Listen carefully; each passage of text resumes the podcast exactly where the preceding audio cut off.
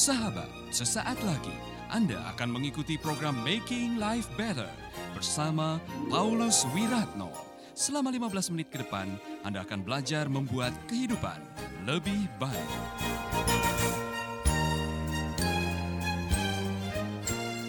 Salam semuanya. Saudara, awali harimu dengan ucapan syukur. Maka hari itu akan menjadi hari yang baik buat saudara. Ada yang mengatakan bagaimana saudara memulai hari akan menentukan sisa hari itu. Jadi kalau saudara memulai hari dengan ucapan syukur, datang kepada Tuhan, menyanyikan lagu pujian, merenungkan kebenaran firman, sisa hari itu akan mudah untuk dilalui, saudara. Tapi kalau pagi-pagi sudah marah-marah, pagi-pagi sudah emosi, bawaannya saudara penuh dengan penyesalan, hanya gara-gara matahari terlambat terbit aja. Ya, kan? ya, ya atau salah kostum, ya kan? Karena dia cepet-cepet pengen hari Rabu. Semua sudah diatur ibu, udah salah ngingetin saya lagi.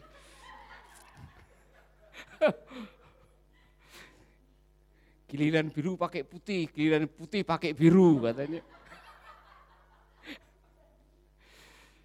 Dimaklumi ya, saudara-saudara. Anggaplah kesalahan sebagai sebuah lelucon supaya saudara tidak terlalu banyak menyesal. Ya kan? Karena penyesalan itu tidak bagus. Saudara pernah menyesal? Sering. Saudara, dari mana datangnya penyesalan? Ya kan? Penyesalan itu sering kali datang karena kekecewaan. Kenapa Anda kecewa? Karena harapan tidak menjadi kenyataan.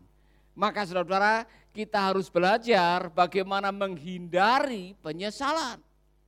Caranya bagaimana? Ada dua. Saudara harus bisa menurunkan harapan atau menerima kenyataan. Sudah begitu aja. Dalam hidup ini saudara akan ketemu dengan kenyataan yang berbeda dengan harapan. Saat saudara ketemu dengan kenyataan yang berbeda dengan harapan, mau apa? Mau kecewa terus, kemudian menyesal. Atau melakukan dua hal tadi, menurunkan harapan dan menerima kenyataan. Nah, saya mau berkhotbah mengenai ketika Tuhan menyesal, karena saya menemukan beberapa kalimat, maka menyesalah Tuhan. Tuhan saja bisa menyesal. Karena apa? Kecewa. Kecewa karena apa? Yang diciptakan tidak sesuai dengan harapan. Nah saya mau kasih ilustrasi aja. Semua yang diciptakan itu punya fungsi. Allah menciptakan sesuatu karena punya rencana. Ketika ciptaan menjalankan rencananya, pasti kita akan senang. Saya kurang tahu yang membuat kacamata ini siapa dulu yang pertama kali menemukan. Kacamata ini dibuat untuk mata, ya kan? Apa jadinya kalau kacamata ini dibuat untuk telinga, saudara-saudara? Yang membuat kacamata pasti akan kecewa. Iya kan? Jadi yang namanya kacamata itu dibuat untuk mata jadi dalam blueprint perencanaan dibuat untuk komunikasi. Nah kalau saudara-saudara beli mikrofon ditanya untuk apa? Untuk nyambel. Kemudian pabrik yang membuat ini tahu bahwa orang-orang di Denpasar beli mikrofon untuk nyambel, pasti dia akan kecewa. Demikian juga dengan manusia. Jadi saudara, saudara akan menemukan sebuah ayat di dalam kejadian pasal 6 ayat 5 dan 6 ada kalimat seperti ini. Tuhan melihat betapa jahatnya orang-orang di bumi. Semua pikiran mereka selalu jahat. Ia pun menyesal telah menjadikan mereka dan menempatkan mereka di bumi. Ia begitu kecewa sehingga berkata, aku eh, akan kubinasakan manusia yang telah kuciptakan itu. Dan juga segala burung dan binatang lainnya. Sebab aku menyesal telah menciptakan mereka. Tuhan menyesal karena ciptaannya tidak sesuai dengan rencana awalnya. Siapa yang pernah bikin roti gagal kemudian saudara buang? Ya. Masak gagal dibuang, dicicipi aja tidak. Ya kan? Karena gagal. Ya, siapa yang pernah membuat prakarya dulu waktu SD tidak jadi-jadi kemudian saudara buang, saudara injak-injak ya karena karena marah. Ya kan? Dalam hidup ini, saudara-saudara, kita bisa membuat sesuatu dan tidak sesuai dengan rancangan dan kemudian kita marah. Nah, dalam hal penciptaan, kalimat ini luar biasa. Apa yang terjadi dalam kejadian 6 adalah pendahuluan dari air bah yang akhirnya dikirimkan ke dalam dunia. Zamannya Nuh. Tuhan melihat betapa jahatnya orang-orang di bumi.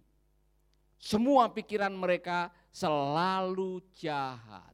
Waspadai pikiran Anda karena pikiran Anda yang jahat bisa membuat Allah menyesal. Karena apa? Semua kelakuan itu melewati pikiran. Semua kelakuan minta restu pikiran. Jadi perbuatan yang jahat selalu dimulai dari pikiran yang jahat. Perbuatan yang baik selalu dimulai dari pikiran yang baik. Itulah sebabnya saudara-saudara, waspadai pikiranmu, waspadai sikap hidupmu. Amin. Ia begitu kecewa. Ia begitu kecewa. Tuhan begitu kecewa. Dan akibat kekecewaan adalah pembinasaan. Ini saudara-saudara yang saya tidak ingin terjadi dalam kehidupan kita. Saya tidak ingin, maka kecewalah Tuhan terhadap Paulus Wiratno. Maka dibinasakanlah Paulus Wiratno dan keturunannya. Saya tidak mau itu saudara. Saya tidak mau itu terjadi. Saya yakin saudara juga tidak mau itu terjadi dalam hidup saudara-saudara. Karena Tuhan punya hak prerogatif untuk melakukan apa saja terhadap hidup saudara. Maka, maka waspadai apakah hidupmu sekarang ini sesuai dengan rencananya atau tidak. Karena yang membuat Tuhan kecewa adalah apa yang diharapkan, apa yang tercatat di buku cetak atau blueprint tidak sesuai dengan kenyataan. Lalu kenapa Tuhan menurunkan kitab suci? Mengapa Tuhan mengirim para nabi? Mengapa dia bahkan turun sendiri ke dalam dunia? Supaya kita sekolah, sehingga sekolah kita ini hidup sesuai dengan gambar anaknya yang tunggal.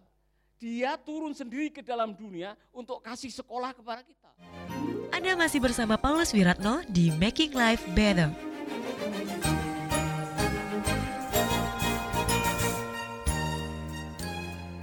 mengajari kita supaya kita hidup sesuai dengan putranya yang tunggal supaya apa kita kembali kepada rencananya. Saudara-saudara, itulah sebabnya kembali kepada Efesus 2 ayat 10. Kita ini buatan Allah, diciptakan dalam Kristus Yesus untuk apa? Melakukan perbuatan baik yang sudah dia siapkan sebelumnya, blueprint. Sudah ada blueprint, sudah ada uh, rancangan cetak. Sebelum saudara lahir ke dalam dunia, sudah ada rancangan di surga sana. Maka ketika saudara hidup sesuai dengan rancangan Allah, saudara sedang menyenangkan hati Allah. Saudara sedang membuat hidup saudara berfungsi sebagaimana seharusnya. Amin. Haleluya. Lalu bagaimana caranya supaya kita tidak punya pikiran yang jahat? Supaya kita hidup sesuai dengan rencananya? Baca buku manualnya. Tuhan memberi buku manual. Namanya kitab suci. Supaya pikiran kita tidak jahat. Supaya pikiran kita selaras dengan kebenaran firman. Kalau saudara pada akhirnya kok tidak berfungsi sebagaimana seharusnya, jangan salahkan pabriknya kemungkinan besar saudara tidak mengikuti buku manualnya. Sudah jelas-jelas mobil isi solar dikasih bensin. Atau mobilmu adalah bahan bakarnya bensin dikasih jus tomat. Bakalan tidak akan jalan. Saudara telepon pabriknya mobil kayak begini kok dijual tidak bisa jalan. Kau lihat buku manualnya tidak? Buku manualnya bahan bakarnya bensin, bukan jus tomat. Jelas ya? Nah, ada peristiwa yang sangat tragis yang saya pikir mengulangi kembali dari apa yang terjadi dalam kitab kejadian ini, yaitu Allah menyesal ketika Raja Saul melakukan kesalahan. Dan ini pembelajaran bagi kita sekalian. 1 Samuel 15 ayat 10 sampai 22. Kita akan belajar di sini Saudara.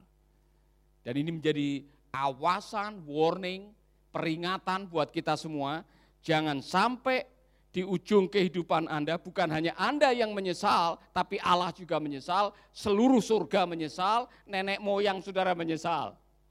Karena Anda tidak melakukan apa yang menjadi rencana Tuhan. Lalu berkatalah Tuhan kepada Samuel. Perhatikan baik-baik. Lalu berkatalah Tuhan kepada Samuel, aku menyesal telah mengangkat Saul menjadi raja. Sebab ia telah berbalik daripadaku dan tidak melaksanakan perintahku. Samuel sedih dan sepanjang malam ia mengeluh kepada Tuhan. Konteksnya adalah Allah menyuruh Raja Saul bersama dengan tentaranya menghabisi orang Amalek. Dan pesannya adalah habisi semua. Termasuk binatang-binatang peliharaan mereka, habisi semua. Tapi kenyataan di lapangan berbeda. Kenyataan di lapangan, domba, kerbau, sapi yang bagus-bagus dibawa pulang. Dan rajanya tidak dibunuh. Padahal perintahnya habisi semua. Saudara-saudara, seorang komentator mengatakan ini tes yang diberikan Allah kepada Raja Saul. Apakah dia benar-benar taat? Karena dia pernah melakukan beberapa kesalahan sebelumnya. Nah saudara-saudara, keesokan harinya pagi-pagi Samuel berangkat hendak bertemu dengan Saul. Kepadanya diberitahu bahwa Saul telah pergi ke kota Karmel untuk mendirikan batu peringatan bagi dirinya di sana. Lalu terus ke Gilgal. Ketika Samuel bertemu dengan Saul, berkatalah Saul kepadanya, semoga Tuhan memberkati Bapak, aku telah melaksanakan perintah Tuhan. Dia merasa saya sudah melaksanakan perintah Tuhan. Dia merasa dia sudah taat. Dia merasa dia sudah menyelesaikan tugas dengan baik. Tetapi Samuel bertanya, dengar baik-baik, kalau begitu mengapa aku dengar sapi melenguh dan domba mengembik? Jawab Saul, oh binatang-binatang itu rampasan dari orang Amalek.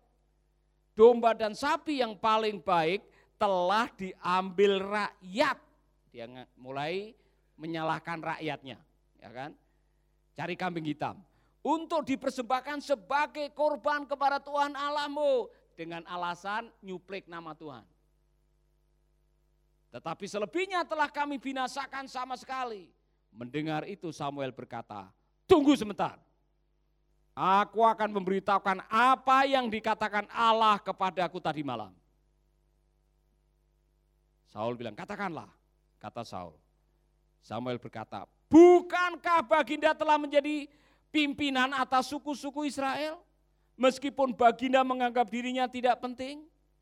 Baginda telah dipilih Tuhan menjadi raja atas Israel. Lagi pula Baginda disuruh Tuhan membinasakan orang Amalek yang jahat itu. Baginda disuruhnya berperang melawan mereka sampai mereka habis semuanya. Itu perintah Tuhan. Mengapa Baginda tidak mentaati perintah Tuhan? Mengapa Baginda beramai-ramai mengambil barang rampasan? Dan dengan begitu Baginda membuat kesal hati Tuhan. Saul menjawab, aku telah mentaati perintah Tuhan. Dan bagi peperangan, pergi eh, berperang sesuai dengan suruhannya kepadaku. Agak Raja Amalek kutawan dan semua orang Amalek telah kubunuh. Tetapi anak buahku tidak membunuh semua ternak. Ini sekali lagi nyalain anak buah. Ya kan? Tetapi anak buahku tidak membunuh semua ternak, mereka telah memilih domba dan sapi yang paling baik dari hasil rampasan itu untuk mempersembahkannya, e, dipersembahkannya di Gilgal sebagai kurban kepada Tuhan Allahmu. Tetapi Samuel berkata, manakah yang lebih disukai Tuhan? Katakan, ketaatan atau kurban persembahan? Ini cek buat kita semua. Manakah yang lebih disukai Tuhan? Ketaatan atau korban persembahan? Taat kepada Tuhan lebih baik daripada mempersembahkan kurban. Patuh lebih baik daripada lemak atau lemak domba. Pelajaran yang menarik, saudara-saudara. Allah menyesal karena kelakuan kita. Setiap kita melakukan apa yang jahat di mata Tuhan, padahal kita sudah diperintahkan, kita sudah tahu, kita sudah mendengar, kita sudah membaca, kita sudah sering kali mempelajarinya, tetapi tetap melawannya, saudara sedang membuat Tuhan menyesal.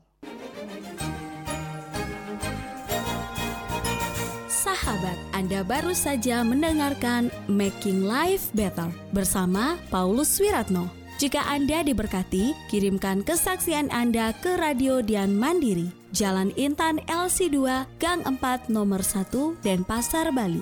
Kunjungi website kami di pauluswiratno.com, Facebook Paulus Wiratno. Hubungi kami di 0811 3901 144 dan 0811 3901 140. Sekali lagi 0811 3901 144 dan 0811 3901 140. Anda juga bisa mendengarkan program Making Life Better ini melalui handphone Anda. Download aplikasinya di Play Store atau App Store. Sahabat, mari dukung program Making Life Better ini melalui rekening BCA 6690300525. Sekali lagi, rekening BCA 6690300525 atas nama Wiratno. Terima kasih, Tuhan Yesus memberkati.